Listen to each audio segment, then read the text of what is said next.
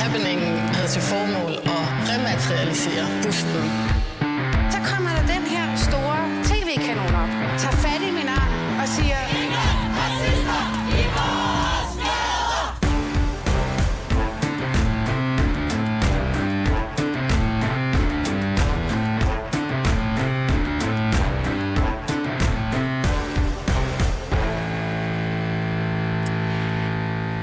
Ja, velkommen til anden time af Baby og Boomer, Danmarks eneste identitetspolitiske magasin. Mit navn er Felicia Sara, og jeg er jo jeres woke og inde i dagens udsendelse.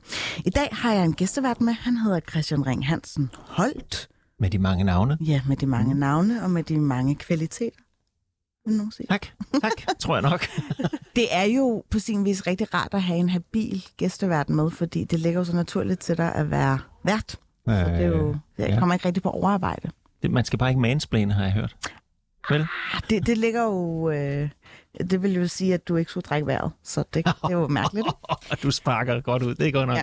Nå, men gas. selvom vi her på Baby Boomer endnu ikke helt har haft nogle boomer med fra den baserende valgkamp, øh, så holder det os ikke fra at prøve at wokificere valgkampen. Og med wokificere, så mener jeg selvfølgelig at tale om ligestilling og køn, og ja, alt det, som politikerne faktisk lidt prøver at undgå. I en ny prognose bragt i mediet mandag morgen har man fundet frem til, at andelen af kvindelige vælgere er langt højere blandt partierne til venstre for midten, mens borgerlige omvendt har en ja, højere andel af mandlige vælgere.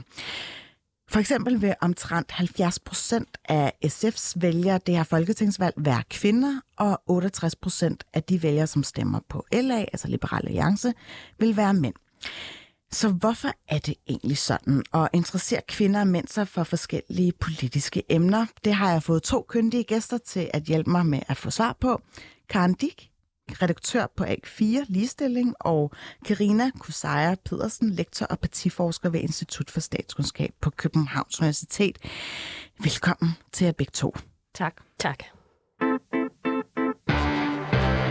Får sådan lidt lyst til at sige, at det er en gammel velkendt sag, det her med, at kvinder og mænd stemmer forskelligt. Øhm, tilbage i, i 2019 var der en historisk stor forskel på, hvor øh, på stemmesedlen mænd og kvinder ligesom placerede deres kryds ved valget til Folketinget den 5. juni. Ifølge tal fra dengang, så stemte 36,1 procent af mændene på rød blok, og øh, 47 procent af kvinderne gjorde det samme. Der er altså en betydelig større forskel end, end, øh, end valget fra 2015, hvor der var omkring 33 procent af mændene og 40,2 procent af kvinderne, der satte kryds ved de øh, respektive røde partier.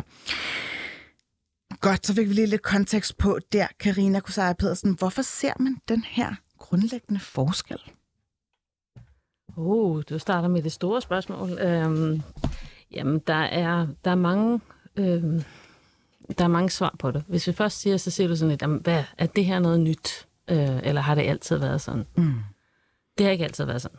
Før øh, 70'erne, der var der faktisk en den tendens til, at kvinder i, øh, i lidt højere grad stemte på partierne til højre for midten.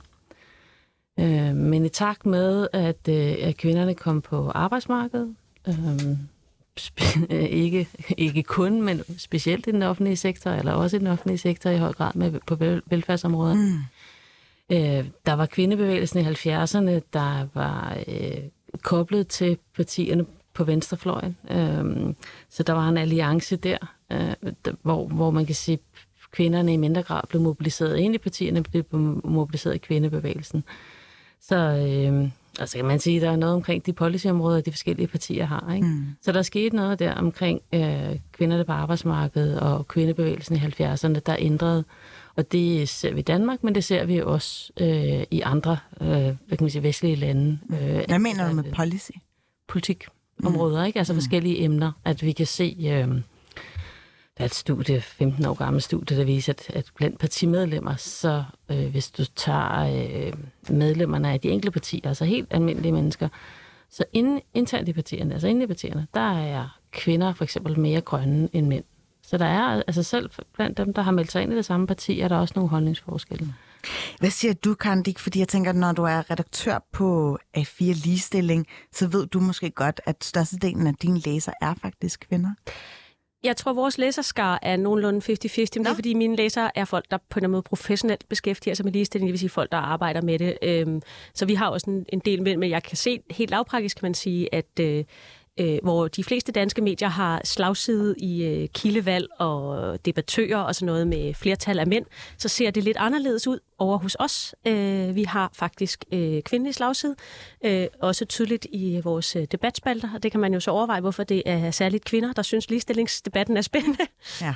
Ja, men det, og det får mig ligesom til at tænke på, er det for meget sagt eller for sat på spidsen, at mænd sådan generelt interesserer sig for skattelettelser og retspolitik og altså forsvarsområdet, hvorimod kvinder mere interesserer sig for øh, minimumsnummeringer og ligestilling og klima? Der er i hvert fald, øh, hvis du ser på det store billede, en tendens til det. Det betyder jo ikke, at der ikke er kvinder, der er interesseret for forsvarspolitik og så videre, men i det store billede, så er, øh, så er, øh, er der forskellige fokusområder. Altså, for eksempel, hvis der taler ligestilling, så er det jo et spørgsmål om, at der langt hen ad vejen har været, altså der har været kvinderne, der har været bagud, ikke? Øh, så ligestilling har handlet om, at, at kvinder skulle have de samme muligheder som mænd. Mm. Øh, med nyere tid er der kommet ligestilling også, altså at, at mænd skal ligestilles i forhold til barsel og alt muligt andet, så, der, så mændene er også kommet bag, på banen, men det har ligesom været kvinderne, der har haft noget at kæmpe for, hvis vi går tilbage til 70'erne og frem. Mm. Så det var det jo ikke underligt, at, at kvinder i højere grad synes, at de, at de partier, der kæmper for ligestilling, øh, fortjener kvindernes stemme. Men, men, men, men øh, undskyld lige spørg, Karin, holder det stadigvæk? Altså, øh, er det stadigvæk det billede? Fordi når du siger 70'erne, så er vi helt det tilbage bliver, til min det barndom. bliver, ja. altså nogle ting ser ud til at blive værre. Altså jeg læste et amerikansk studie, der handler om klimabekymring, bekymring, som faktisk peger på, at jo rigere lande bliver, jo større bliver forskellen mellem mænd og kvinders bekymring for klimaet. Det er så helt lavpris, fordi mænd og kvinder er ret bekymrede for klimaet øh, i tredje verdens lande, fordi der, kan, der har de det ligesom ret tæt på. Og jo rigere landet bliver, jo mindre begynder mændene at interessere sig for klima, og kvinderne falder også, men de falder langsommere, og dermed bliver forskellen på mænd og kvinders klimabekymringer større, jo rigere et land bliver. Men hvad er årsagen til, at det stadigvæk holder? Er det fordi, at de, øh, er det fordi der er så mange kvindelige vælgere, som stadigvæk kom på arbejdsmarkedet i, i 60'erne, 50'erne, 60'erne, som stadigvæk gør sig gældende? For jeg tænker jo, der må være mange unge kvindelige vælgere, øh, som får deres første gang stemme nu fra 18 op efter. Der er der rigtig mange kvinder at tage af. Jeg kan, jeg kan ikke forstå, at det stadigvæk forholder sig sådan, at, at kvinder stemmer mere på venstrefløjen end på højrefløjen. Altså, Og det ser jo ud som om, at den forskydning bliver større. Altså, der er, øh, nu, nu, det sagde du vist også, men, men, og det var også det, Felice var inde på, at, at, at der bliver simpelthen, altså, der flytter flere og flere kvinder over på venstrefløjen, og Men- flere og flere mænd over på højrefløjen. Over. Det, vi nærmer os ikke hinanden, vi flytter væk fra hinanden. Hvorfor? Ja. Men der er jo, når vi ser på den generelle hvad, øh, hvad kan man sige, vælgeradfærd, så, øhm, så, så kan vi se, at der er nogle tendenser med, hvad, hvad kvinder stemmer på, og hvad de unge stemmer på, og så videre. Så kan vi jo godt finde nogle mønstre. Og i, og i det kan vi sige, at hvis du har en højere løn, så er der en større sandsynlighed for, at du stemmer til højre for midten. Ikke? Vi ser på gennemsnits... Altså, Hold, holder den? Altså, Ja, er det ja, stadigvæk sådan, ja. at man starter som socialdemokrat, og så ender man over blå, fordi så har man fået hus? og- Nej, det, det er jo ikke kun din løn, men det, vi, vi lægger, hvis vi skal forklare partivalg, så lægger vi en masse små forklaringer oveni. Ikke? Nå, Øh, men den delforklaring, det er sådan en gammel kendt en, man siger, Ja, ikke? der er sådan, den er lidt, ikke? Men, men øh, hvad der betyder mere, er jo sådan en holdning til specifikke emner. Altså, hvad synes du, øh, flygtninge og indvandrere, hvad, hvad synes du om retspolitik, synes du om klimapolitik osv.? Mm. Øh, det, det er jo ikke, øh, hvad skal man sige, vælgerne kan jo godt placere sig på en højre-venstre skala og sige, hvor jeg er et eller andet sted, men, men det er jo de konkrete forslag også, at vælgerne i høj grad forholder sig til. Ikke? Så måske er højre venstre skalaen bare ved at blive uddateret. Den er en rigtig god opsummering, øh, og en rigtig god... Nej, men det er en rigtig god, hvor jeg siger, om, ja, der er ikke nogen af os, der er 100% enige med noget parti. Altså, prøv bare at tage kandidattesten, ikke? Altså, Mm. undskyld, altså, det er så kandidaterne, men anyway. Øhm, så derfor så er det fint nok at have den her, det her højre Men- rum, ikke? Jeg har fået lyst til at stille det spørgsmål. Hvordan stemmer kvinder? Altså, øh, er det sådan, øh, kigger man mere på personen bag, øh, eller kigger man på sådan, er det en, øh, jeg vil lade min, jeg der er sådan et spørgsmål, man altid stiller. Er det en person, man har lyst til at øh, passe sine børn, eller er det en person, man har lyst til at drikke øl med? Altså, hvor meget øh, tillægger man ligesom personen bag politikken værdi på tværs af køn? Har vi nogle øh, tal? Stemmer de det- fleste ikke stadig liste? Altså, øh, Nej, altså det, det er 50-50, ikke? Så halvdelen af os stemmer på et parti, og halvdelen af os stemmer på en kandidat. Og den sidste opgørelse, jeg har set, som vist nok ikke var fra 19, det kan jeg ikke huske, øhm, der er, der svarede vælgerne, at de, øh, der svarede kvinderne, at de i lige høj grad stemte på mandlige og kvindelige kandidater. Mm. Men, øh, men mænd stemmer i mindre grad på kvinder. Øh, så, så på den måde er der, øh, er der den, og anekdotisk, altså kender vi ikke mange, der har et parti, og så har fundet partiet og går ind og på listen, og så øjner nedad, finder den første kvinde, og hun har ikke gjort noget galt. Altså, det er hende, der får min stemme, ikke? Altså, og måske mere til regions- og kommunalvalg, hvor vi ikke kender alle kandidater. Så mænd er mere sådan vaks omkring en nulfejlskultur. Ja, eller også kan man sige, at det er ikke, det er ikke vigtigt for mænd, eller kan man sige, ikke nødvendigvis vigtigt for mænd at stemme på en, på en mand, hvor det kan være vigtigt for unge at stemme på en ung, og for kvinder at stemme på en kvinde, og vi kan ikke helt finde det samme med etniske minoriteter, fordi det er så, så små øh, grupper, Ja. ikke? Og samtidig så er det 38 procent af de siddende folketingsmedlemmer, der er kvinder. Mm. Og Ja, det er jo ikke så mange, kan man sige. 38, det lyder ikke, det lyder ikke Nej, helt der er 62, repræsentativt. 62 procent mænd. Det er så jo 3 procent af de siddende folketingsmedlemmer, der har etnisk minoritetsbaggrund, og 4 procent af folketingskandidaterne. Jeg elsker, du kan alle tallene. Det er helt forrygende. Man skal bare trykke, så kommer du ud. Men jeg kunne godt tænke mig lige at spørge, øh, hørte jeg dig, som ved alt om vælg- vælgeradfærd her, sige, jamen kender vi ikke alle sammen det der med, du behøver, det behøver ikke være dig, det der med at kigge ned, og så tager man den første kvinde, hun har ikke gjort noget galt. Altså er det virkelig, er, er det noget, kan det, kan det måles, det der? Altså, Ja, der er nogle forskere fra Aarhus, øh, altså skal selvfølgelig have læst op på deres studie, men som har lavet noget med eye-tracking og se, hvor er det, vi, kender, hvor er det, vi kigger på. Ja, okay. øhm, så der, de har blandt andet vist, det er en fordel at stå Ja. ja. øverst på listen, uden, altså, eller øverst i og man tænker også på det med kvinder. Altså Ja, ja, kvinder stemmer det- på kvinder, fordi så, ja. nej, hun er ikke, så stemmer vi på hende. Ja, men det er jo, man har jo valgt partiet først, så du har, valgt, du har valgt politikken Ja, okay. først. Ikke? Men mm. hvis man siger, okay, jeg vil faktisk gerne have, at en kvinde repræsenterer øh, mig, så, så der er vi lidt inde på, at man gerne vil have nogen, der ligner en. Og så kan det være aktivistisk, fordi man siger, 40 procent er ikke nok. Ja, og, og hvis man så vælger en alene på grund af kønnet, hvad, hvad så med vedkommendes politik? Altså man kan jo komme til at sætte kryds ved en- som man ikke nødvendigvis er 100% enig i, selvom det er inden for samme parti, ikke sandt? Men det er jo fordi, at vi, vi ved jo godt alle sammen, at partiets politik, der er et eller andet program, der er en ledelse, og så er der nogle kandidater, der kan arbejde for nogle sager. Men jeg vil bare gerne holde fast i det der med, at mænd gør det endnu mere. Det er da vildt interessant. Altså sådan det der med at løber ned. Altså, altså mænd Nej, stemmer stemmer. på mænd. Mænd, de stemmer bare på mænd, og det kan jo være, fordi det er de første på listen, der er mænd, ikke? Altså, Det er fordi, det er de bedst egnede, som Ja, det er selvfølgelig. dette program på kanalen vil sige. Altså Ja, en, ja. der faktisk også har givet sit besøg med i forhold til det her, det er feminist, og jeg har lyst til at sige alt muligt kvinde. Øh, Sanne Søndergaard, hun skrev på Twitter i forbindelse med prognosen sådan her. Kvinder stemmer rødt, fordi de vil med velfærdsstaten, fordi det arbejde, der udføres der med børn, syge og ældre, ellers vil blive overladt til kvinder derhjemme ubetalt. Det er altså ikke raketvidenskab, det er bare patriarkalsk pis. I ved, omsorgsgen og den slags. Og mænd kan tillade sig at stemme på de blå, fordi de ikke skal stå med syge tante Olgas blæskift, for så har man jo tid til at gå op i minimalstat og skattelettelser. er der noget om snakken der? Nej. Det, det, Du går også op i, øh, i ligestilling og minimumsnummeringer. Ja, det synes jeg da. Altså man kan sige, statistisk set er der jo, det kan vi jo se. Og så kan man sige, vi, vi kan også se, at øh, da det ikke er alle kvinder, der gør sådan her, og alle mænd, der gør sådan her, så det er næppe et biologisk faktum. Det er næppe, næppe noget, der er sådan knyttet til Y-kromosomet, der gør, at man er for skattelettelser, vel? Tak. Øh, nå, det, det, det er jo tydeligt, at, øh, at der er det. Jeg har også en øh, øh, folk på Facebook, min venindes mor, som også er min optiker og selvstændig, som var, jeg er fandme, jeg stemmer fandme blot, og jeg er kvinde. Jeg var, jo, men du er også selvstændig og øh, har ikke nogen små børn, og sådan. Der er ligesom nogle andre parametre der, der, der, kunne, der kunne forklare øh, det. Men, men der er jo nogle kulturelle forskelle, mm. og det Sande Søndergaard peger på er jo rigtigt nok. Altså ikke nok med, at de kvinder vil stå med de her opgaver, hvis ikke de bliver løst i velfærdsstaten. De her kvinder arbejder også i den der velfærdsstat. Altså det er måske ikke så underligt, at hvis man er sygeplejerske, så stemmer man på nogle af dem, der faktisk ser ud til at ville løfte lønnen i det offentlige. Øh, hvorimod hvis man er øh, selvstændig erhvervsdrivende, så er det nogle andre øh, faktorer. Og der er bare flere mænd, der er selvstændige erhvervsdrivende, end der er kvinder. Øh, og, og, og nu snakker vi om indkomst før. Der er jo også nogle forskelle der. Ikke? Så, så, så der er jo nogle, hvad skal vi sige, kulturelle øh, øh, kønsforskelle, som ikke, som ikke har noget med biologi at gøre, mm. men, som, men som vi strukturelt set har i samfundet, som sætter sig igennem her. Mm. Øhm, og så tror jeg der også, der er nogle, altså nu sagde du det der med, med kvindebevægelsen, altså jeg, der er også noget med, med, med sådan kvinder og fællesskaber.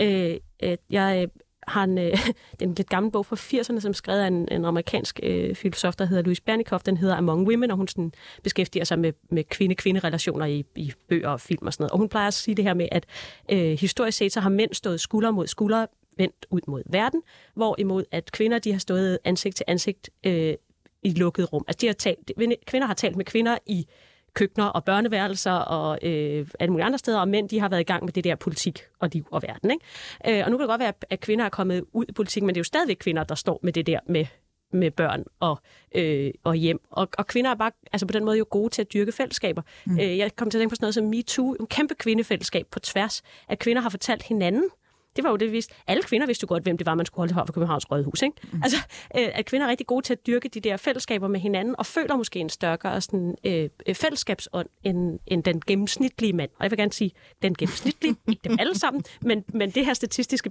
øh, er jo gennemsnitligt, kan man sige. Hashtag hvad, not med, all men, ikke? Hvad med alle fodboldklubberne og dem, der står derude og hæpper? Hvad med dem, der går og sparker dæk? Og, altså, altså kan man, kan, hvor de dem har vi ikke lige lavet en prognose for. Nå nej, men så, Nå, men, så er du også en ret barsk Nå, men spørgsmål... frem til at sige, så er de bedre til fællesskaber. Man kan sige, der er nogle andre fællesskaber. Ja, og men måske nogle fællesskaber, som ikke, øh, som ikke bærer, øh, hvad skal man sige, en... Øh, øh, bare fordi man sparker dæk sammen, så er det ikke sikkert, at man har lyst til at øh, sørge for, at øh, vedkommende øh, kan blive passet på plejehjemmet. Altså, der er nogle, sådan, der er nogle sådan, omsorgsfællesskaber, som jeg ikke er sikker på eksisterer samme Nå, sted. nu skal jeg øh, sige, at der er nogle fællesskaber, der er bedre end andre. Nej, der er nogle fællesskaber, som er anderledes end andre. Øh, når, når mænd og kvinder bliver skilt, så øh, går mænd øh, statistisk set i hundene, og kvinderne de begynder at hænge om deres veninder og har det skide godt. Ikke? Det er sådan, det, ja, jo arbejder vi meget firkantet, men, men, men okay. statistikken er, peger jo på den. Altså kvinder er bedre til at dyrke deres, øh, til, deres, øh, til, til deres netværk. Kvinder er bedre til at tale om deres følelser med deres øh, nære, end mænd er. Så, så på den måde er der jo nogle, og nu ser jeg, altså statistiske rammer er jo sådan ja, lidt ja. firkantet, ikke? Men, men, men vi kan jo, altså skilsmisse, stats, øh, de der skilsmissehistorier er ret sådan, for mig er også en ret klar måde at sige, at der er, kvinder er klart bedre til sådan at gribe hinanden, øh, og, til, og måske også til at række ud for at blive grebet, end, øh, end mænd er. Mm-hmm. Mm-hmm. Mm-hmm. Men som uh, Sanne Søndergaard ligesom adresserer i det her post, hvor hun ligesom øh, i anførselstegn siger omsorgsgen, øh, Altså, kan, kan du lige præcisere det? Altså i, også i relation til det, som Karen fortæller om det her med, at man øh, man er måske mere bundet op på fællesskaber og orienteret mod det kollegiale eller det kollektivistiske. Jamen, vi kan jo, øh, når, når vi ser på, hvad der sker øh, tilbage i, øh, i 70'erne, og hvor nogle af de her dynamikker stadigvæk øh, gælder, så er det det der med, jamen, hvis det handler om egen interesse og ligestilling og så videre på forskellige øh, punkter, så er det sådan, øh, så er det ligestilling som et, et hvert andet politisk emne, som man så synes er vigtigt, og som man stemmer efter. Øh, hvis vi går hen og ser, at det er kvinderne, der arbejder i, i velfærdssektoren eller den offentlige sektor, så er det jo øhm, så er det ikke underligt, at man i højere grad stemmer på, på de partier, der ikke lige umiddelbart vil skære helt vildt meget ned, eller ikke altså, som, som, og så kan vi sige, om de holder, hvad de lover og alt muligt Det skal vi ikke. Men, men i hvert fald, der er lidt større chance for, at, at man får lidt flere ressourcer på ens arbejdsplads. Ikke? Mm. Og så kan vi gå hen og sige, jamen er der, er der noget i vores, øh, i, i, i mænds og kvinders øh, taler vi kun to køn her, bare for at simplificere, ikke? men altså, er der noget mens kvinders interesser og livserfaringer osv., og, og der er jo noget ved, at det, der er jo stadigvæk stor forskel på, hvor meget øh, vi har gået på barsel med vores børn, ikke? Mm. Der er stadigvæk, altså nu, nu nævner Christian fodboldklubben, altså hvad er det, der sker? Manden står og er træner, og, og, og, øh, eller faren er træner, og, og moren sørger for at lave øh, hyggepizza eller overnatning med, med drengene osv., ikke? Altså, der er forskellige Øh, der er stadigvæk nogle forskellige erfaringer, og, og nej, det er ikke DNA og alt muligt andet, men, men vi, har, vi har jo forskellige, øh, kan man sige, øh, erfaringer. Mm. Og vi har endnu ikke, øh, vi har endnu ikke DNA-test ind i øh, valgboksen, så der er nogle ting, vi ikke helt kan. Ej, det kunne ellers være rigtig så... smart. altså noget, jeg lige er kommet i tanke om, mens du øh, fortæller her, Karine, det er ikke fordi, det er kedeligt, men jeg kom bare lige i tanke om, altså øh, Søren Pape. Han har jo virkelig altså, gået fra top til bund. Ikke? Altså meningsmålingerne er bare dykket. Og jeg kan ikke lade mig at tænke på, om det er kommet kølvandet på efter de fremlagde deres skatteplan, eller om det er sådan noget at gøre med den her lidt øh, personlige rute. Altså vi ligesom alle sammen var seer til, at han blev skilt og så videre, og det måske også influeret på, hvem han var som person. Altså sådan, der gad jeg helt vildt godt netop have haft DNA-udtrækket til at vide, om kvinderne stod af på grund af skatteplanen, eller om de stod af, fordi at, ej, han virkede altså også, ja, øh, jeg betvivler lidt hans dømmekraft. Mm. Men er du sikker på, at det er kvinderne, der stod af? Mm, altså i hvert fald sat på spidsen i forhold til, hvad man ligesom orienterer sig imod. Altså, fordi han vil jo gerne lave skattelettelser, ikke? Og det er måske mindre appellerende for, for den kvindelige øh, vælgerskare. Altså lige den der har vi ikke, øh, nej, det har jeg ikke lige færdig øh, svar på, men, men vi havde har et, haft et studie af, af vælgernes øh, sympati for øh, partiledere, og der er det sådan, at, øh, at kvinder har mere sympati for kvindelige partiledere, øh, når vi kan, sige, kontrollere for deres partisympati. Ikke? Og det vil sige, mm. uanset om man stemmer helt på venstrefløjen, så synes øh, øh, kvindelige vælgere bedre om Pia Kærsgaard, end en mandlig vælger synes. Ikke? Mm-hmm. Så, så, så, Og hvad er det et udtryk for? Ja, men det er jo lidt et, eller- altså, der, der er jo et eller andet om, at, øh, at, at der så er en eller anden kobling. Altså, vi har noget med, med en i, identitetspolitisk øh, øh, hvad kan man sige, øh, parametre parameter her, ikke? At, at vi har en eller anden idé om øh, noget deskriptiv repræsentation, at hvis nogen ligner os, øh, det er sådan en øh, indgruppeteori, teori, ikke? Altså hvis nogen ligner os på det, vi kan se,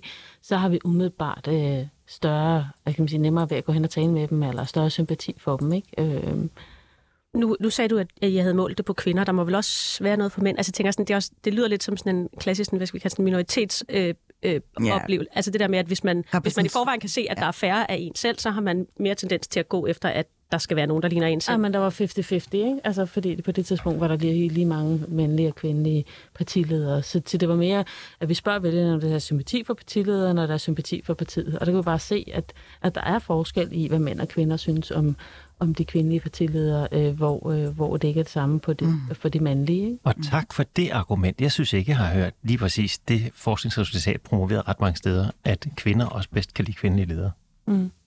Altså i men- hvert fald, når, jeg- i hvert fald i politik er Det er fordi, der er så få af dem. Jeg skulle lige sige, det, det, det, det er interessant, at, at vi ser, at kvinder bedre kan lide kvindelige ledere, og mænd har ingen slagside. Alligevel har vi valgt flere mænd. Så på en eller anden måde er der jo nogen, der stemmer på mænd, selvom påstår, at de enten er 50-50 eller hellere vil stemme på kvinder. Altså, Åh, oh, nu der, bliver ligestallet godt nok højt, ikke? Ja, men jeg godt, jeg, måske kan jeg følge dig. Ja. Men der er, jo, der er jo en større andel valgte kvinder, end der er blandt kandidaterne. Og det, det viser, at... Øh, ja, hvis, kan vi lige forestille os sådan et timeglas, ikke? Og så i bunden, den, den brede, det er vælgerne. Øh, hvor vi er cirka, øh, cirka 50-50 bare sådan. Så, så på næste trin i, øh, i teamglasset, der har vi medlemmerne, partimedlemmerne, som jo både er dem, der vogter, øh, hvem der stiller op, i større eller mindre grad, ikke? Altså, hos Støjberg der er det hende selv og andre, men, men ligesom bare sådan i de gode gamle øh, partier. Og, øh, og der, er- der udgør kvinderne sådan cirka en tredjedel. Ikke? Hvis du så spørger de her partimedlemmer, vil du stille op, hvis du blev opfordret af deres parti, så er vi nede på, at det kun er en fjerdedel af de, det, jeg kalder potentielle kandidater, der er kvinder. Som, som vil stille op. Ja. Og så kan vi gå hen til det næste og sige, "Nå, men hvem stiller så, hvor stor en andel af kvinderne, øh, eller hvor en stor en andel udgør kvinderne så af netop kandidaterne. Det er mere. Øh, og, så, øh, og så kommer vi til sidst til, når vælgerne har sat krydset, så er der faktisk endnu flere kvinder.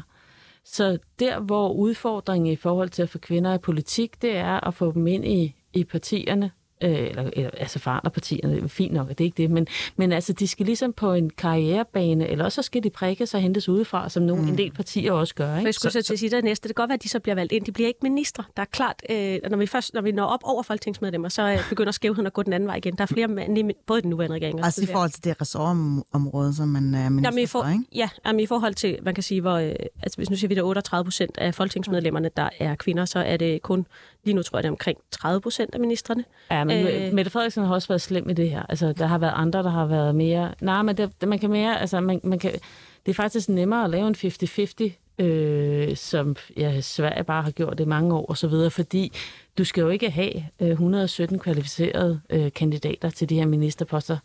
Men, men så, så der kan man vælge at gøre det. Og så er det, som, som I nævner her, at der er en kønnet arbejdsdeling, sådan, så kvinderne får alle de bløde områder og sådan noget. Men, men inden vi lige talte ministre, så er der simpelthen videnskabelig belæg for at sige, at kvindelige kandidater har en lettere vej ind i Folketinget end mandlige kandidater så? lettere vej, nej. Jeg siger bare, at kvinderne stemmer, øh, undskyld, at vælgerne stemmer på, øh, på kvinder. Øh, Nå. hvis, hvis vi går, nej, ja, nej, men de bliver valgt ind, øh, hvis vi går bare... Når de er kommet på listen, ja, ikke? Ja, Altså, de har større, de har større chance for at blive valgt ind, når de først er kommet på listen, end, ja. end, end de to mænd, fordi Ja. de skal igennem. Ja. Og det, der, der kan man sige, det har været sådan i Danmark i et stykke tid, men der er andre sådan europæiske lande, hvor det er en nyere tendens. Og det har også gjort, at så har de ikke haft lyst til at stille kvinder op, fordi der er mindre sandsynlighed for, at de bliver valgt. Men der, altså, nu gentager jeg lige den her meget boomeragtige pointe, jeg er nærmest til at trykke på min boomeralarm. Altså, der hersker jo nærmest sådan lidt en forestilling om, og det var endda også en mandlig afsender, der sagde det til mig, at det er fordelagtigt at være kvinde i politik og i erhvervslivet. Det er jo lige det, jeg sidder og fisker for her. Du kan godt trykke på knappen. Jeg trykker nu. Tak. Jamen fordelagtigt. Altså, det er sådan lidt det der med at sige, hvor er alle kandidater ikke øh, lige. Hvad nu, hvis vi kunne forestille os, altså, fordi der er en pipeline ind, der er skidesvær, fordi partierne er blevet er domineret af mænd, to tredjedel af medlemmerne er, med, er mænd, så de kandidater, de kvinder, der overlever det der, de er bedre kandidater end den gennemsnitlige mand. Men jeg synes jo, det er så bemærkelsesværdigt, at øhm, øh, alt for damerne, de har jo lavet en kandidattest, en alternativ kandidattest, om man vil, hvor de kun øh, har fået politikere til at svare på, øh, på områder omkring ligestilling. Øh, og det er jo så, alt for damerne er jo basically et kvindemedie. Hvorfor er det, at øh, ja, en aktivistisk, øh, hvad det hedder, dameblad, ligesom går ind i det her og kun vil have politikerne til at forholde sig til ligestilling? Nu ved jeg ikke, fordi I sidder i redaktionslokalerne, men jeg synes bare, det er da lidt tankevækkende. Men, men det er en ældre undersøgelse, er vi ikke enige om det? Altså det, du refererer til nu? Men det er ikke en undersøgelse, eller det bare for i år. Altså alt for damerne har ligesom lavet en kandidattest, hvor de har bedt kandidater om, altså opstillet til at forholde sig til ligestillingsspørgsmål. Okay. Og så kan du gå ind og, øh, og stemme, eller få den øh, kandidat, som ligesom bonger mest ud med dig. Det er vel helt lavpraktisk, er fordi det er det, der interesserer deres læsere. Ja, ja. Altså, når man, jeg mener, det er vel ikke som... Femina har jo også været ekstremt stærk på, altså nu et andet mm. øh, øh, dame, dameblad, øh, altså som har været ekstremt stærk. De var rigtig stærke på, øh, på hele den der øh, samtykkelov, der skrev de virkelig meget, og, og senest har de været virkelig, virkelig massiv på hele fødselsområdet. Skrevet, altså det er jo sgu dem, der... Men Karen, undskyld, jeg afbryder. Prøv at tænke på, hvis Euroman lavede den samme kandidattest. For sådan, altså det er jo ikke fordi, de favoriserer, men, men jeg har tilfældigvis taget den, og der er langt højere grad flere kvindelige kandidater, end der mænd. fordi kvinderne har holdninger til ligestilling. Men, men, men det, siger jo, det, det betyder vel bare, at hvis vi lavede en, en kandidattest, som, øh, som, altså det er fordi, vi antager, at de andre kandidattest er objektive i deres spørgeramme. Altså, men hvem siger, at øh, så, hvis vi så har øh, spørgsmål om skattealder, så vil der sandsynligvis være flere mandlige kandidater. Er det så også en sexistisk øh, øh, kandidattest, eller vil vi kalde det en helt objektiv kandidattest for os, der interesserer os for skattelettelser? Ah, ja, det, det kan jeg godt forstå, du siger. Men jeg, nu kan jeg ikke lige huske, hvordan medietilskudsloven er. Men jeg går ud fra, sådan nogle som helst for damerne også for øh, statstilskud. Ikke? Det vil sige, der er statskroner i det, tror jeg. Er vi ikke enige? Jo, de får mediestøtte. For mediestøtte, ja, lige præcis. Og så, og så lave en, øh, øh, noget, som de, jeg tror, hvis man går dem hårdt på klingen, også selv mener er en gimmick. Altså, Mm, mm, det- det, lagt- men det er vel, det er vel bare, synes, altså, det er- kunne man forestille sig, at man øh, over på øh, øh, et, øh, et andet medie vil lave en øh, undersøgelse af, hvad mener øh, partierne på kulturpolitik? Lad os nu bare lad os tage mm. kulturpolitik. Det kunne jeg godt forestille mig, at man ville sidde og gøre på øh, det ved jeg ikke, politikken, som er glad for at skrive om kultur eller information. Måske vil sige, okay, men vi, vi, øh, vi synes faktisk, at kulturpolitikken har fulgt for lidt i valgkampen rigtig længe, og for at gøre noget ved det, så har vi lavet en, øh, en kortlægning af, øh, af, hvad folk mener på kulturpolitikken. Øh, over hos øh, mine øh, øh medredaktører over på det, der hedder E4 Aktuelt, der er vi pt. i gang med en sådan større kampagne for at sætte fokus på erhvervsuddannelsen, fordi det fylder sindssygt lidt i valgkampen. Og derfor har vi brugt rigtig meget tid, eller mine kolleger har brugt rigtig meget tid på at tale om, med politikere om, hvad de egentlig vil gøre for de der erhvervsuddannelser. Vi ved altså, at vi kommer til at mangle faglærte, øh, så derfor har de spurgt alle partierne til, hvad de har tænkt sig at stille op øh, på EUD-området. Øh, og men er, er, er det så også en øh, aktivistisk øh, øh, øh, og ikke øh, neutral journalistik, eller er det bare at, at vælge et fokusområde, som interesserer vores læser? det kommer an på, hvad målet er, synes jeg, sådan som jeg lige hørte. Og hvis målet er øh, at få nogen til at sætte flere krydser øh, på, på kvinder ved at lave en kvindetest, så synes jeg, så synes jeg det er... Men det er der, der ingen, der påstår. Det, det er der, jeg ved ikke, om er, eller alt for dem, man har sagt. Måske har de bare sagt, at vi vil gerne klæde vores læsere på, fordi vi synes, ligestilling fylder for lidt mm. i den offentlige samtale om valg. Og ligestilling er ens betydende med, at der skal flere kvinder ind. Altså, Nej, nej, det, det, det sagde jeg ikke, men, men de har jo spurgt dem til de politiske områder, altså til deres ligestillingspolitik. Hvad mener I om Okay. øh, kvinder i bestyrelser, og at mænd dør tidligere end kvinder, og at øh, øremærket barsel, og øh, øh, idéer om, hvem der mm. kan være omsorgspersoner? Eller okay, sådan. så, så der er mænd med i testen også. Ja, ja, der er bare flere Ja, kvinder, der ja. har svaret, fordi der er Nå. flere kvinder, der De har... de har nemlig lavet stuntet før, hvor man kun lavede med kvinder. Nå, Ah, okay, godt. Nå, de, Så- der, der, det, så er jeg lige sagde, Var det var, der er flere kvinder, der har svaret, Nå, fordi der er flere kvindelige kandidater, Ja, ja. der interesserer sig for ligestillingsspørgsmål. Og det kan man jo så overveje, hvorfor jeg. Øh, ja, det overvejer jeg så. Vi kan i hvert fald have øh, god grund til at overveje, hvem vi skal stemme på. Der er lidt tid endnu i forhold til valgkampen. Øh, Kandik, tusind tak, fordi du gad komme ind her og, øh, og snakke om køn og hvem vi stemmer på, og hvorfor vi gør, som vi gør. Redaktør på A4 Ligestilling. Og også tusind tak til dig, øh, Karina Kusaja Pedersen, lektor og partiforsker ved Institut for Statskundskab på Københavns Universitet.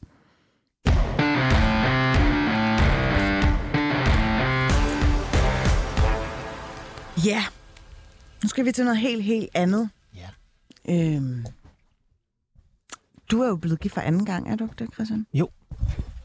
Og øh, så du tror ikke rigtig på den eneste ene, eller hvordan? Øh, jo, jeg vil bare gerne møde den, den bedste, eneste ene til sidst. Jamen, så kan man også godt sige det. Ja, og det Ja. har jeg heldigvis gjort. Jeg vil sige det som den, som, øhm, som ikke rigtig har haft held med at finde en fast partner, så står den jo på rigtig meget akavede dates og ghosting og ja, et utal eller et utal af tilbud om for, uforpligtende sex. Det er jo bare story of my dating life. Men jeg tror ikke, jeg er den eneste, der kan genkende det billede af datingscenen anno 2022. For hvis du troede, din tid på Tinder kun lå i 20'erne og 30'erne, ja, så kan du godt tro om igen. Nå. I DR-programmet Mormor på mandejagt følger vi nemlig fire modne kvinder i deres søgen efter kærlighed. Vi kommer med på dates, når sms'erne skal skrives, og når der bliver swipet på Tinder. Alder er jo bare et tal, men gør det så nu også gældende, når du søger kærlighed, sex og intimitet i din bedste alder. Jeg vil nok personligt mene, at kvinder er jo som en god flaske vin. De bliver jo bedre med alderen. Og alt det og mere til skal vi jo ligesom dykke ned i den næste, ja, øh, halve time med mine to kyndige gæster. Velkommen til dig, Judith Rodenborg. Tak skal du Du have. er skuespiller, Ja. og for tiden altså aktuel i DR-programmet Mormor på mandejagt, hvor vi ligesom følger dig på sidelinjen, når du leder efter kærligheden. Og også velkommen til øh, en ekspert, vi har med, antropolog, øh, som har specialiseret sig inde i seniordating. Hun hedder Christine Amtoft, og hun er med om øh, ikke så længe. Men lad os starte med dig, Judith. Øh, er det generelt bare sværere at finde en partner, når man bliver ældre? Ja, det tror jeg. Medmindre man er ufattelig heldig. Øh, det tror jeg, fordi øh, måden, man bevæger sig rundt i samfundet på, er anderledes, når man bliver ældre, og samfundets tilbud til, hvordan man ligesom øh, mødes, eller sådan kan man sige, det er heller ikke så udbredt, som, som da jeg var ung i hvert fald. Men man kan jo sige, at det er blevet meget mere markedsliggjort i og med, at du kan jo downloade en app på din telefon, og så har du et udpluk af forskellige mænd, som du bare kan swipe til venstre for, ikke? Ja, ja, til venstre og til højre. Jamen, det er da rigtigt, og det er jo på mange måder en leg. Øh, men det er, hvad skal man sige, det er jo seriøst nok, når vi går længere ned i det, fordi det handler jo om, at vi alle sammen gerne vil ses, og gerne vil elskes, og gerne vil øh, se andre og elske andre. Og øh, det er jo ikke sådan noget, der hænger på træerne. Og øh, sådan en, en app eller, eller de andre datingsider, de er jo fantastiske, fordi det er en del af tiden og måden, man kan møde hinanden på, men det er, det er også meget svært. Hårdt arbejde, ikke? Det er hårdt arbejde, og det er også svært, fordi øh, du kommer hurtigt. Altså, hvordan, hvordan tænder du på et menneske? Det gør du som regel, når du ser vedkommende. Ikke? Mm. Et smil, et blink i øjnene, øh, en måde at bevæge sig på. Og sådan et billede er jo meget... Øh, øh, en, altså hvad skal jeg sige, det er svært at regne noget rigtigt ud derfra. Mm. Øh, så ens fordomme kommer også hurtigt op, når man sidder der og swiper. Jo, men en ting er at have kemi in real life, men der er jo rigtig mange af os, ja nu kommer jeg til at afsløre mig selv om en øh, forholdsvis unge alder, digitalt indfødte, som jo Ja, ja, lige har, ligesom har inkorporeret det der med at flytte på skrift, ikke? Altså vi kan jo ja. dårligt nok finde ud af at kommunikere, når vi sidder til bords, end når vi har, øh, hvad der hedder, mobiltelefon i hånden. Hvordan tør I på skrift, mand? Er du sindssyg, mand? Man bliver jo hængt op for hvad som helst i dag. Man kan jo ikke skrive noget nogen steder, før man får sådan et hashtag, og så bliver man hængt ud et eller andet sted. Altså, nu har jeg lyst til at driste mig og stille det spørgsmål. Hvad det, du skriver til folk, Christian? Jeg skriver ikke noget. Kære, kære ven, vil du komme i studiet? Det er der ikke noget fløjt i overhovedet, okay, men jeg er mega bange for at, at kommunikere. Men der er jo også de værst tænkelige øh, scenarier. Altså, vi har jo haft det der umbrella-sagen og alt det der. Altså, sådan, Ja, ja. Det er jo deling af en, en, en intimoplysninger, som lige pludselig kan altså, skrue uden ende. Altså, internettet glemmer jo aldrig. Men Judith, altså, øh, du var inde på det lige før, men det der forskel på at date nu, end da du var yngre, er det ikke også bare et spørgsmål om, at du søger noget andet end en partner i dag, frem for tidligere? Jo, det, jeg er jo sikkert blevet noget mere kritisk. Altså, jeg har jo oplevet rigtig, rigtig meget i mit liv, øh, og kendt rigtig, rigtig mange mænd. Øh, Så... Det lyder festligt. Ja, jamen det har det også været på mange, mange måder. Også hårdt og smertefuldt, selvfølgelig. Øh, hvis man lever livet, så, så får man jo nogle ritter mm. af en slags. Men altså det, jeg synes, der kan være svært i dag, det er jo, at vi har jo selvfølgelig mindreværdsfølelser alle sammen i alle aldre. Mm. Øh, men når du bliver øh, gammel, så jeg kalder mig jo gammel, det kan godt være, det er ældre, men altså, hvad skal man kalde en 73-årig kvinde? Hvis ikke en gammel kvinde, der er jo ikke noget... Det er jo, En kvinde lever- sin bedste alder? Jamen, det er en bedste er- alder, er det jo alt sammen. En erfaren kvinde, En synes jeg. erfaren. Der er en af de andre, der siger overmoden i programmet. Ja, okay, Overmod. den er jeg ikke Det så vild som, med. men det, altså, jeg elsker overmodne bananer, men ja. Ja, okay. Man laver altså god viden af overmodne druer, skulle jeg helt sige. Det er så ikke? noget andet, ja. Det, er, er er, det er sådan en historie. Men i hvert fald, hvis, altså, det er svært også, fordi jeg synes, udbuddet af de mænd, jeg bliver tiltrukket af, det er måske skrumpet lidt ind. Og øh, jeg har ikke noget mod at gå 10 år yngre end, end mig selv, øh, når jeg skulle møde nogen. Øh, bestemt ikke, det har jeg også øh, prøvet, fordi det er noget med at min, min hjerne og mit Du har liv. ung energi. Ja, meget ung energi. Og det vil sige, øh, sådan antropologen vil sikkert kunne sige noget øh, omkring det der med, at mænd øh, giver hurtigere op i livet, end kvinder gør. Ja. Altså i forhold til at gå ud og gøre noget. Det har jeg læst et eller andet om. Vi har hele den første time snakket om at være en sur gammel mand, så Nå, øh, okay. den tager øh, Christian ligesom Det er mig, der spiller den rolle. Øh, Sur gammel agurk har jeg. Okay, sur gamle agurk. Okay. Christine Amtoft, øh, du er antropolog og specialiseret dig i seniordating, og du er også med på en telefon. Er der noget om snakken? Altså søger man bare noget ganske andet hos en partner senere i livet?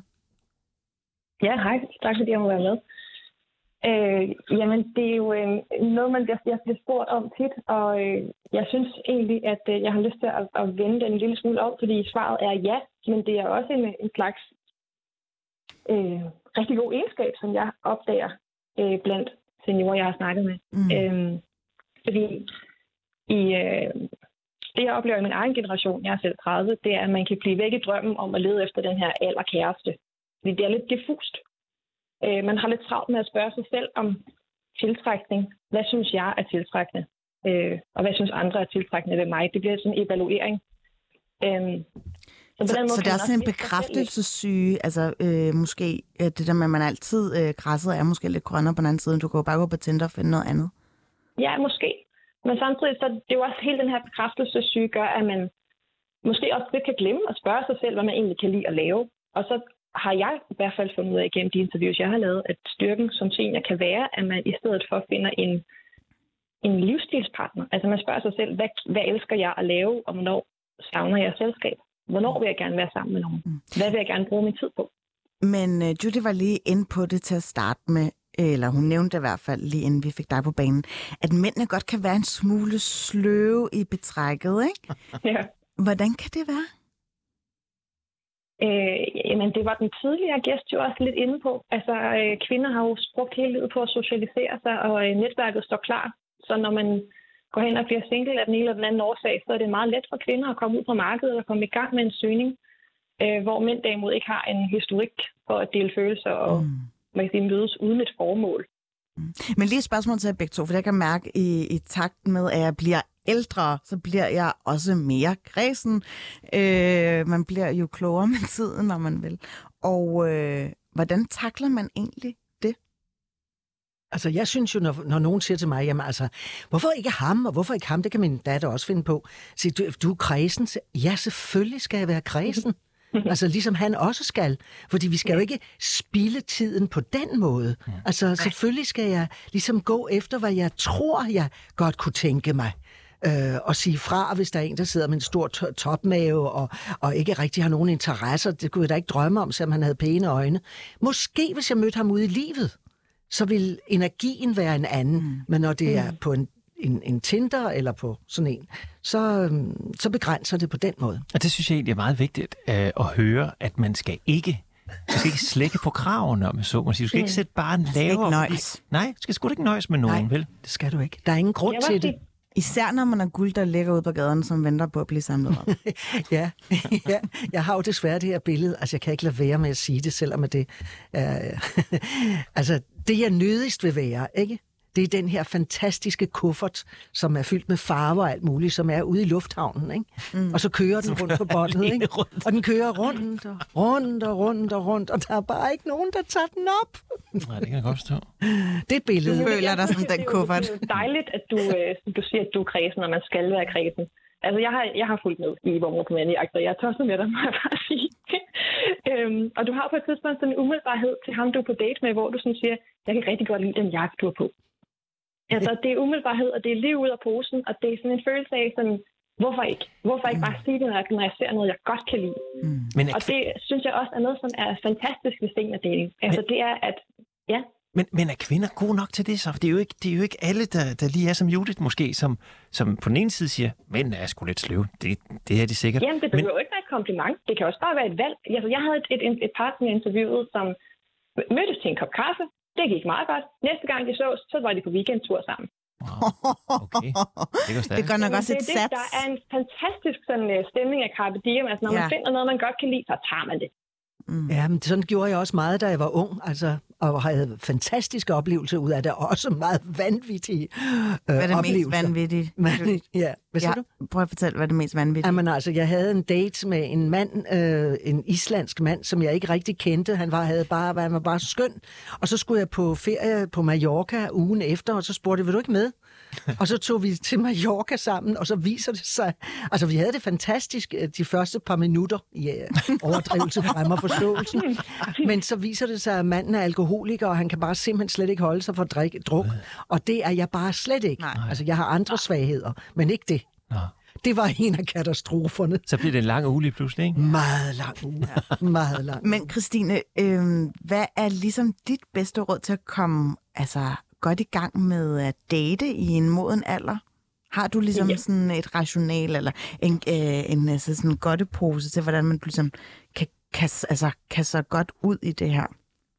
Jeg plejer faktisk lidt at sige, at, det ikke er dårligt at have en checkliste. Det plejer at være, øh, være helt øh, over for at sige sådan noget, når man laver, dating, men jeg synes virkelig, det er noget, som jeg ser som nærmest en superkraft ved seniordating. Altså, at man ved, hvad man vil. Jeg havde et par, som øh, interviewede, der fortalte om, at øh, de var bare rigtig vilde med at spille bridge.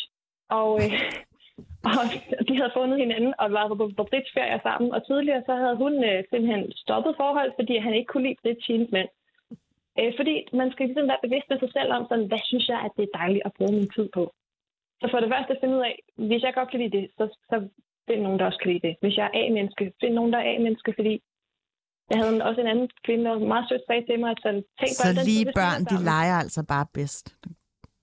Det kan man godt sige. Altså det er, som Judith også sagde, hvis man ikke synes, at alkohol ikke er spor sjovt. Nu er det også et lidt ekstremt eksempel med alkohol. Men handler det ikke også lidt om, at man er meget lidt øh, omstillingsparat, når man, øh, altså de, de senere år i livet, fordi at man er så godt øh, rodfæstet i ens øh, almindelige øh, vaner og så videre? Jo, men ved du hvad? Og det er jo det, jeg vil slå et slag for til anytime. Altså at være modig. Livet er så F-U-C-K-I-N-G kort. Det er så kort. Og øh, vi skal ikke gå glip af noget, hvis der overhovedet er mulighed for. Og det kræver jo noget af en at være modig. Det gælder ikke kun med mænd, men med at, at gøre ting. Prøv noget nyt. Lytte. Være åben. Oplever egentlig, at, at man er bange for det? Eller oplever bare mere en sløve? Altså det der med at sidde hen i sofaen og se fjernsyn, når de er lige blevet skilt, det er sådan en arketype, synes jeg. Jeg ved Ja, men ikke de helt, behøver bare at blive siddende, fordi hvis de bliver skilt, eller konen dør, så kommer der straks 3-4-25 kvinder og med lidt mad til dem og sådan noget. Ikke? Gør der det? Altså, ja, det gør Ej, der det er så vildt, men sådan er det jo også i København og det københavnske datingmarked. Altså udbuddet er jo bare ret smalt i forhold til efterspørgselen. Der er jo mange flere veluddannede kvinder, som ved, hvad de vil have. Ja. Og alle de mænd i, øh, i, i, i 30'erne, de er allerede blevet taget, og man er sådan ah! Altså, Ja, ja, jamen det er. øhm, Christine, er mændene ikke også bare i en super privilegeret situation? Ja, Jo, det Altså, jeg tænker på seniormændene er- også i men det er- særdeleshed. Men det er svært at komme, at komme ud af døren. Altså, som, som Judith siger, så kan bare blive indenfor. Men der er jo også de mænd, som, øh, hvor, hvor det ikke bliver blevet lagt mærke til, at de er blevet alene, fordi deres, deres netværk i forvejen var meget småt. Men jeg vil sige, en anden en meget vigtig ting, som jeg synes at, skal fremhæves, det er, at, at mange vælger så heller ikke at gå på datingmarkedet, fordi man forbinder det med, at når, hvis vi bliver kærester, så skal vi også bo sammen, og det vil jeg ikke. Jeg vil stadig gerne være mig selv. Jeg vil bo selv. Øh, jeg Karen i øh, den nye sæson af Mormor men jeg det er jo også bare så fint på et tidspunkt, at øh, hun egentlig synes, det er rart at være alene, og hun gerne vil have en de- dele alle de sjove stunder med. Og det kan man godt. Man behøver ikke flytte sammen for at date og være kærester, men mærkeligt nok, så var det altid det, folk fortalte mig på mit feltarbejde. Det første, de overhovedet ville fortælle mig om deres nye ven eller kæreste, var, øh, de er kærester, men de bor ikke sammen. Vi bor ikke sammen. Som om det var helt ekstraordinært, at man havde valgt øh, at, at bo hver for sig. Og jeg oplevede faktisk også, at mange brugte det som undskyldning for ikke at gå ud på datingmarkedet. At de, havde, de ville stadig gerne beholde deres egne måder at gøre ting på. Men, men er det ikke under opblødning, alt det der? Altså, er, er, er alle, alle ægteskaber og alt relation sådan på den måde? Er det ikke under opblødning? Man behøver sgu da ikke bo sammen. Nej, Altså, sådan jeg har- oplever jeg også med min Og, og, det, omgangskreds. og der, er, Ja. jeg synes bare, at vi skal, vi skal sørge for at fortælle om det, og, øh, og sagt det højt, og få med en del skrøne til jorden, fordi der er, øh, ja, når man kommer ud på landet, så er der mange, der holder sig tilbage i den årsag. Men Nå, jeg nå, synes, ud på landet, så fik vi lige den med. Hvor, hvor ringer du fra? Velkommen. Ja, tak. altså, jeg synes en anden ting, som jeg også vil ønske ville komme mere op, det er Kirsten Giftekniv. Vi kunne også kalde det øh, Hans Giften, Giftekniv eller sådan noget. Altså, at man, at man lægger mærke til, hvem der er i ens liv, og prøver at sætte folk sammen. Men hvad så, altså, hvis du på forhånd ikke har så mange mænd i dit liv, så er det jo også lidt en svær Jamen, opgave, ikke? Jo, jo, men der kan være en familie, en, en onkel, hvis Ja. kone er død, eller åh, hendes veninde, hendes veninde havde... Så er det der, det løber koldt ned ad ryggen på mig, fordi det er jo sådan Okay. at få sit øh, ja, gifte-CV øh, cirkuleret i de kredse, jeg, jeg er rundet af. Og det er sjovt, fordi nu er der virkelig splittelse på den her vej ned igen, fordi at du vil helst ikke have et tip, men du vil faktisk godt have et sms. Prøv at høre ham herovre, han er Ja, skide bestemt. Jeg synes, det er... Altså, jeg må sige igen, lige have den af for min datter på et tidspunkt. Hun er ude og, se, øh, er ude på noget jazzfestival, og så ser hun en eller anden... Min datter er meget, meget lækker pige, ikke? Altså, Det tror jeg på. Hun ser godt ud. Øhm, og så, går, så ser hun den her skønne mand på den der jazzfestival, og det er varmt, og solen skinner, så hun, det er lige noget for min mor, ham der. Han er da bare helt skøn. Så går hun over til ham, og siger hun, hej, ja, undskyld, og han kigger jo op på hende, mm, hallo. og siger hun, nej, nej, nej, nej, du må undskylde, det er ikke mig, det er bare, jeg vil bare høre, om du er single, fordi jeg har altså bare en mor, som er fuldstændig vidunderlig, og jeg synes, I kunne måske, hvem ved, og så sagde han, jeg er så ked af det med min kæreste lige på toilettet, så altså, det er jeg ikke. Men tak skal du have. Man er vel ikke lidt ordentligt svin, hvis man ikke kan drive den anden af troet. Er det sådan, man siger? Nej, det er ikke sådan, jeg mener det. Men jeg mener virkelig det der med, at jeg synes, det er mod, og den tanke, at man tænker sig om... Mm. Altså, der sidder onklen der og er helt alene og sådan noget øv, øv, men hendes venindes mor er der meget... Altså, Men har du altid haft det sådan, Judith? At, at, at, øh, Ja, det har jeg. Jeg har Ja. ja. faktisk sat et par sammen, som har været gift nu i Ej. øh, 30 år. Nej, hvad er det? 25 år. Så Hvor man- er dit ridderkors? Og så har de fået tre børn, og de er stadig sammen, og de er sindssygt lykkelige. Men spol lidt på år tilbage. Judith, 21 år gammel. Ja. Vil, vil du også gerne have et tip om, at nabo, sønnen er ledig? Ja. Ja, fedt. Jamen altså, det, er- det er jo interessant. ja, det er da det er ikke spændende. noget, der forandrer sig for dig sådan gennem Nej, livet. Nej. nej, det synes jeg, der er spændende. Mm. Det er noget med at have, have kærlig omsorg i sit liv, Ja. og lægge mærke til, hvad der foregår. Mm. Bare. Men det er ikke alle, der er i sende og i kontakt med sig selv, som du er, Julie. Der er du jo meget for billedlig. Men jeg det, tænkte det på, skal man da Christine, huske. Jeg skal da lave en liste, når man kommer rundt nu, så sender jeg nogle det er jo ikke aktuelt for dig. Nå, at du skal Nå, være Kirsten ja, ja. Giftekniv. Ja, Jamen, ja. det må du Det er gerne. der mange mennesker. Øh, især når du, øh, når du sender øh, Christian Giftekniv, øh, kom lige til mig, ja. i, når du sidder og laver aftenshowet. Ja. Så skal du lige Ja. spørge, har du jo en kæreste? Bare lige slutte af. Jeg kender en... Øh, Du er sgu meget lækker. Du har du en kæreste. Jamen Det altså, why not? Det er da fuldt af humor og liv. Men Christine, det her med senior dating live, øh, kommer vi til at se en, øh, en udvikling, så det faktisk øh, går den ene eller den anden retning? Men det har vi faktisk allerede gjort. Der er virkelig altså en stor stigning af, af folk mellem 65 og 89, der er på netdating. Mm. Øh, den er, det, det er simpelthen tydet seksdoblet øh, inden for de seneste tre år. Ja. Øh, samtidig så har vi jo også det- vores skilsmisserate, som hjælper en lille smule med at få flere ledige parter på markedet. Den stiger. Øh, og, og flere, som oplever at blive single som 60-årige, som ser for sig, at de har øh, 20 år muligheder foran sig. Mm. Så bliver det jo pludselig mulighedernes tid, fordi du har det jo egentlig meget fint. Helbredsmæssigt, og du har ikke noget job, og du har masser af tid, og hvad, så, der kan jo ske alt muligt. Ja, og alt er afbetalt, og man er måske på nedsat Lige tid, og hvad fanden vil jeg? Altså, jeg håber da del med ikke, at livet slutter, når man er 65, skulle jeg da helt så sige. Altså, Der skal du have din tredje kone. Ja.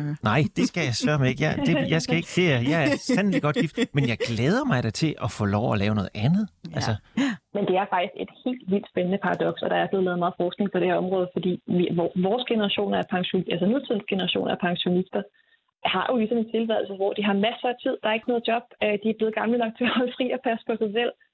Øh, og samtidig så øh, omvendt set, så har man fået lov til at pensionere sig, fordi samfundet anerkender, at man er ved at nå sidste hvis man skal sige det lidt hårdt. Altså, man, man ved godt, at der er ikke lang tid tilbage. betyder, Det det, betyder det egentlig noget, at sådan en som jeg, ifølge planen, nu, nu skal jeg jo ikke ud på markedet, men, men betyder det noget, at vi skal blive på arbejdsmarkedet, til vi bliver 73? Altså, så det vil sige Jeg synes, man skal have muligheden. Ja.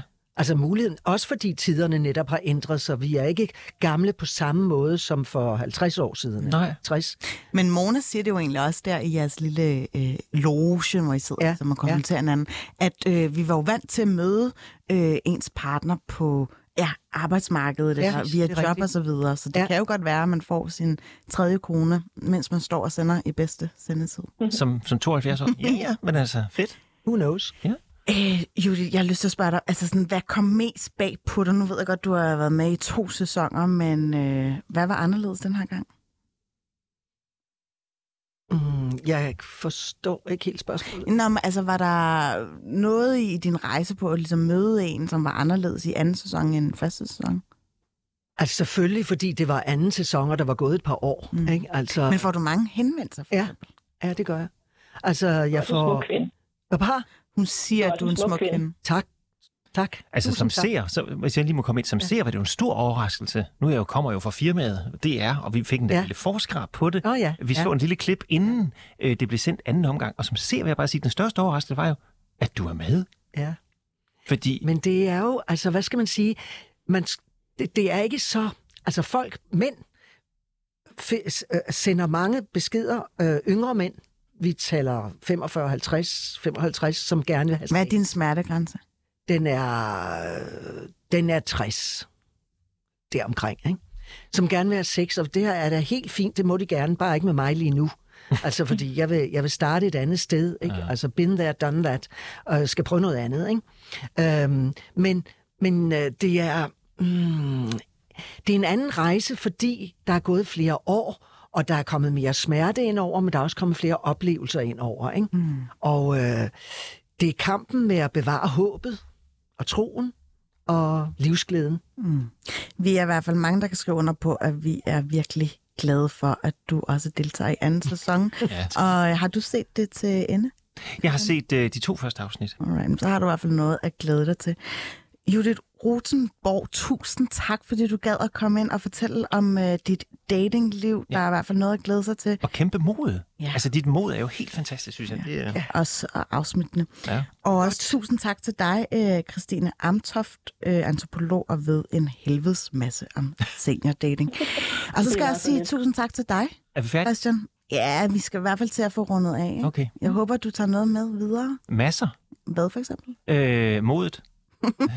For lige at tage den sidste ting. Og så tager jeg det der med... Skal vi sige det nu? Ja, ja. Nå, jamen jeg tager bestemt det der med, at øh, hvis man er kvindelig kandidat og øh, gerne vil ind i Folketinget, øh, så er der noget, der tyder på, at mm, man har lettere ved at komme ind i Folketinget end, øh, end de mandlige kandidater.